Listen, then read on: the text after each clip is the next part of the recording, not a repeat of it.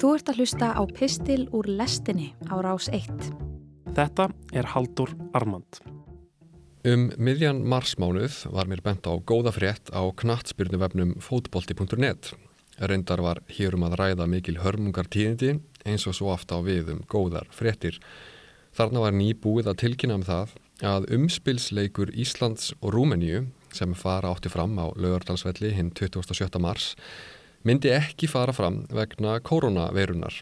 Uppselt hafði verið á leikin enda um að ræða viðuregn sem skiptir sköpum um það hvort Ísland kemst á úrslit Evropamestramótsins eða ekki.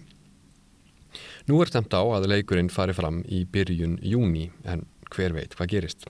En fréttin var ekki um það að leiknum hefði verið frestað. Heldur var hún viðtal við Kristinn Jóhansson, vallarstjóra á lögurdagsvelli þar sem hann varpaði ljósi á vonbreyði vallar starfsmanna vegna þessara leiðu tíðinda.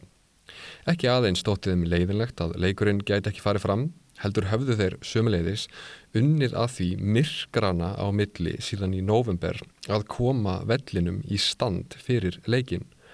Marsmánuður er yfirleitt ekki tíminn þar sem íslenskir grasvellir skarta sínu fegursta og þess vegna þurfti að grípa til óvenjulegra og frumlegra úrræða til þess að blekja móður náttúru niðri í lögardal og telja henni trúum að hún sé staðsett annar staðar á jarðkringlunni en hún er. Hinn 7. mars var til dæmis bein útsetting frá því á netinu þegar fyrirbæri sem kallað hefur verið hita pilsa var lögð yfir snæfi þaktanvöllin til að halda hita á grasinu. Þá voru sérstakir gras sérfræðingar frá Breitlandi fluttir inn til landsins og í fréttum kom fram að þeir bókstala byggju á vellinum fram að leik til þess að reyna að tryggja það að grasir yrði í eins góðu ástandi og mögulegt var þegar flautað yrði til leiks. Svo langt var gengið að sett var upp svefn aðstala fyrir þetta fólk undir stúkunni á leikvanginum. Nú mun helsta verkefnið á lögurdagsvelli vera að reyna að halda vellinum á lífi fram í júni en það mun vist reynast vandasamt í ljósi þess að hans er núna orðin ansi góðu vanur þarna undir pulsunni. Við getum ekki tekið pulsuna af í mínus tíu gráðum, sagði Kristinn í viðtalinu. Við þurfum að lækka hitan undir pulsunni til að sjokkið fyrir plöntuna verði ekki svakalegt þegar pulsan fer. Hættan er svo að vallar starfsmenninir missi völlin í april vegna þess að þá gæti komið í hann dauði eins og það var orðað í viðtalinu. Eins og líklega flestir teki ofan fyrir starfsmönnum lögurdagsvallar að vinna þetta þrekvirki að gera óupphittaðan grasvöll á Íslandi grænan og safaríkan fyrir leik í mars. Það er eiginlega alveg frálegt að hugsa til þess að þetta hafi verið mögulegt. Maður hefur samúð með öllum hér, leikmannunum, áhörvendum og líka fólkinu sem lifti þessu grettistaki en fjekk ekki að sjá ávöxt erfiðisins. Það stritaði mánuðum saman, vakið og sofið að því að undirbúa eitthvað sem síðan fór aldrei fram. Markmiðið var hið ómögulega. Það var öllum meðlum beitt og hugsað var svo vel um völlin að innfluttir gras sérfræðingar voru látnir sofa við hliðin á honum Allt saman fyrir draum sem svo átti sér aldrei stað. Jafnvel þótt allt væri til reyðu fyrir hann. Það var eitthvað mjög existentialist við að lesa um þetta erfiði vallarstarfsmannana. Ég fekk ekki varist í að hugsa að þetta mjög svo aðdánarverða verk væri eins og myndlíking fyrir alla þessa draumokkar sem rætast aldrei. Þeir voru jú að reyna að rækta garð bókstaflega en síðan greip heimsandin sjálfur inni og draumurinn rann út í sandin. Og hvað er mannleg tilvera annað en draumur sem rætist ekki? Lífið er að svo miklu leiti atvik sem á sér aldrei stað á endanum. Það þekki allir hérna frægu setningu John Lennons Life is what happens when you're busy making other plans. Lífið er það sem gerist þegar þú ert upptekinn við að gera önnur plön, sofandi undir stúkunni, dreymandi um stórleikin í vændum.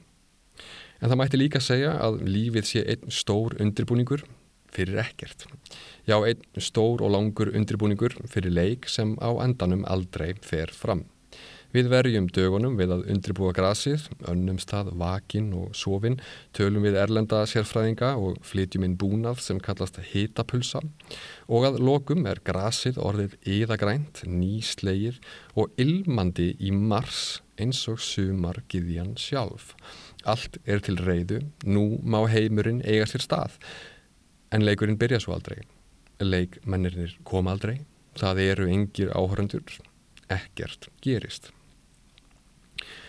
Bókin Il Deserto dei Tartari eða Tartarasteppan eftir ítalska reytumundin Dino Buzzati kom út árið 1940 og segir frá ungum manni Giovanni Drogo sem sendur er út í buskan í fjarlægt virki sem horfir yfir Tartarasteppuna. Drogo ætla sér ekki að dvelja lengi í virkinu en svo taka árin að líða og skindilega verður Drogo meðvitaður um það að hann er ásamt félugum sínum í virkinu að býða eftir innrás. Já, hann þráir í hjarta sínu að barbararnir sem búa hínum megin við sléttuna ráðist loksins á virkið. Á meðan hafa gömlu vinir hans í borginni, gift sig, eignast börn og lifað annarskonar og dæmigerðari tilveru. Ég ætla ekki að ljóstra upp um helstu sviftingarnar í sögunni að öðru leiti en þetta er átakanleg, fögur og mér líku við að segja gráð brosleg bók. Vera Drógós í virkinu við Tartarasteppuna er vitaskuld myndlíking fyrir þorstamanna eftir veksemd og hróðuri. Drógó er svo upptekinn af innrás barbarana að hann tekur ekki eftir því að líf hans rennur hjá á meðan. Hann ver lífi sínu í að undribúa grasföll fyrir leik sem aldrei fer fram. Barbaranir koma nefnilega aldrei. Já, eða hvað. En ég hef alltaf veljað að spyrja á móti skiptir það öllu máli að barbaranir komi síðan aldrei snýst ekki líf Drógós innmitt um merkinguna sem hlýsta því að það sem hann vonast eftir gerist ekki lang flestir draumar okkar rætast nefnilega ekki ef við horfum tilbaka þá eru allar líkur á því að það sem við heldum einu sinni að myndi gerast það sem við þráðum jafnvel heitar en nokkuð annað gerist ekki Ég treysti mér til þess að halda þið fram að það sé einmitt þetta innkenni á lífinu að það er ekki, ef svo maður orðið komast, að það rætist ekki sem gerir það fagurt. Tilveran er brotin, tímin er úr lið, eins og Hamlet segir, og við verjum lífinu í byggð eftir innrás sem aldrei fer fram. En er eitthvað sorglegt við það? Hvað eigum við að gera annað? er ekki einmitt talsverður mikilfengleiki í því fólkin að berjast fyrir einhverju sem er ekki í okkar valdi. Að auki, ef það er eitthvað að marka franska sálgreinin og heimsbyggingin Jacques Lacan eins og ég skilan, þá er það sem við köllum raunveruleika, einfallega heimur sem er settur saman úr órum og fantasíum Fantasíur okkar um veruleikan, okkar eigið líf og annara virka eins og skjár sem verndar okkur frá öllum þeim nöturlegu og óbærilegu staðrendum um líf okkar sem við viljum ekki og getum ekki horst í augu við. Eða það sem hann kallar raunina til aðgreiningar frá raunveruleikanum. Segjum að þú sért á rauðu ljósi í síðdegis umferðinni og sjáir nýja Tesla við hliðinaðir. Hvað er það sem þú sérð raunverulega? Hvað er raunveruleikin sem augu þín sína þér. Annar frakki, Albert Camus, skrifaði einhver tíman að við verðum að ímynda okkur að eksistensialíska hetjan hann Sísifus gamli njóti í raun og veru þess erfiðis sem Seifur lagði á hans herðar að velta sama steininum aftur og aftur upp á hæð. Ég held að sama innsægi gildi hér um Drogo og þar með okkar eigin þrár og drauma.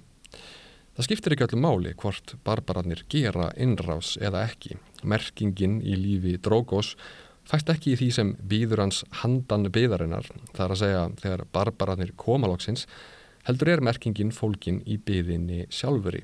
Það skiptir ekki öllum máli hvort leikurinn fer fram eða ekki. Þetta snýst ekki um leikin, heldur völlin. Spurðu þig ekki hvort leikurinn verði skemmtilegur, heldur hvort grasið sé grænt. Þarna eru töfrarnir í draumum faldir. Við höfum mjög lítið um það að segja hvort þeir rætast að lókum eða ekki. Alls konar hlutir þurfa að ganga upp sem við höfum enga stjórn á. Það eru allar líkur á því að það sem við viljum gerist ekki. En ef þú trúur á draum, ef þú ert tilbúin til þess að forna þér fyrir hann, helga honum lífið þitt, þá tekst þér hugsanlega að gera grasið grænt í mars. Þú skapar líf úr dauða og það er hið eina sanna kraftaverk.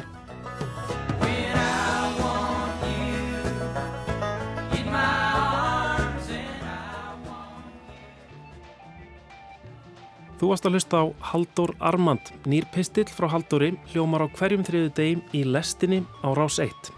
Ef þú fílaðir þennan pistil og vilt heyra meira, getur gerst áskrifandi að lestinni hér í hlaðvarpsappinu þínu. 1 fyrir forveitna.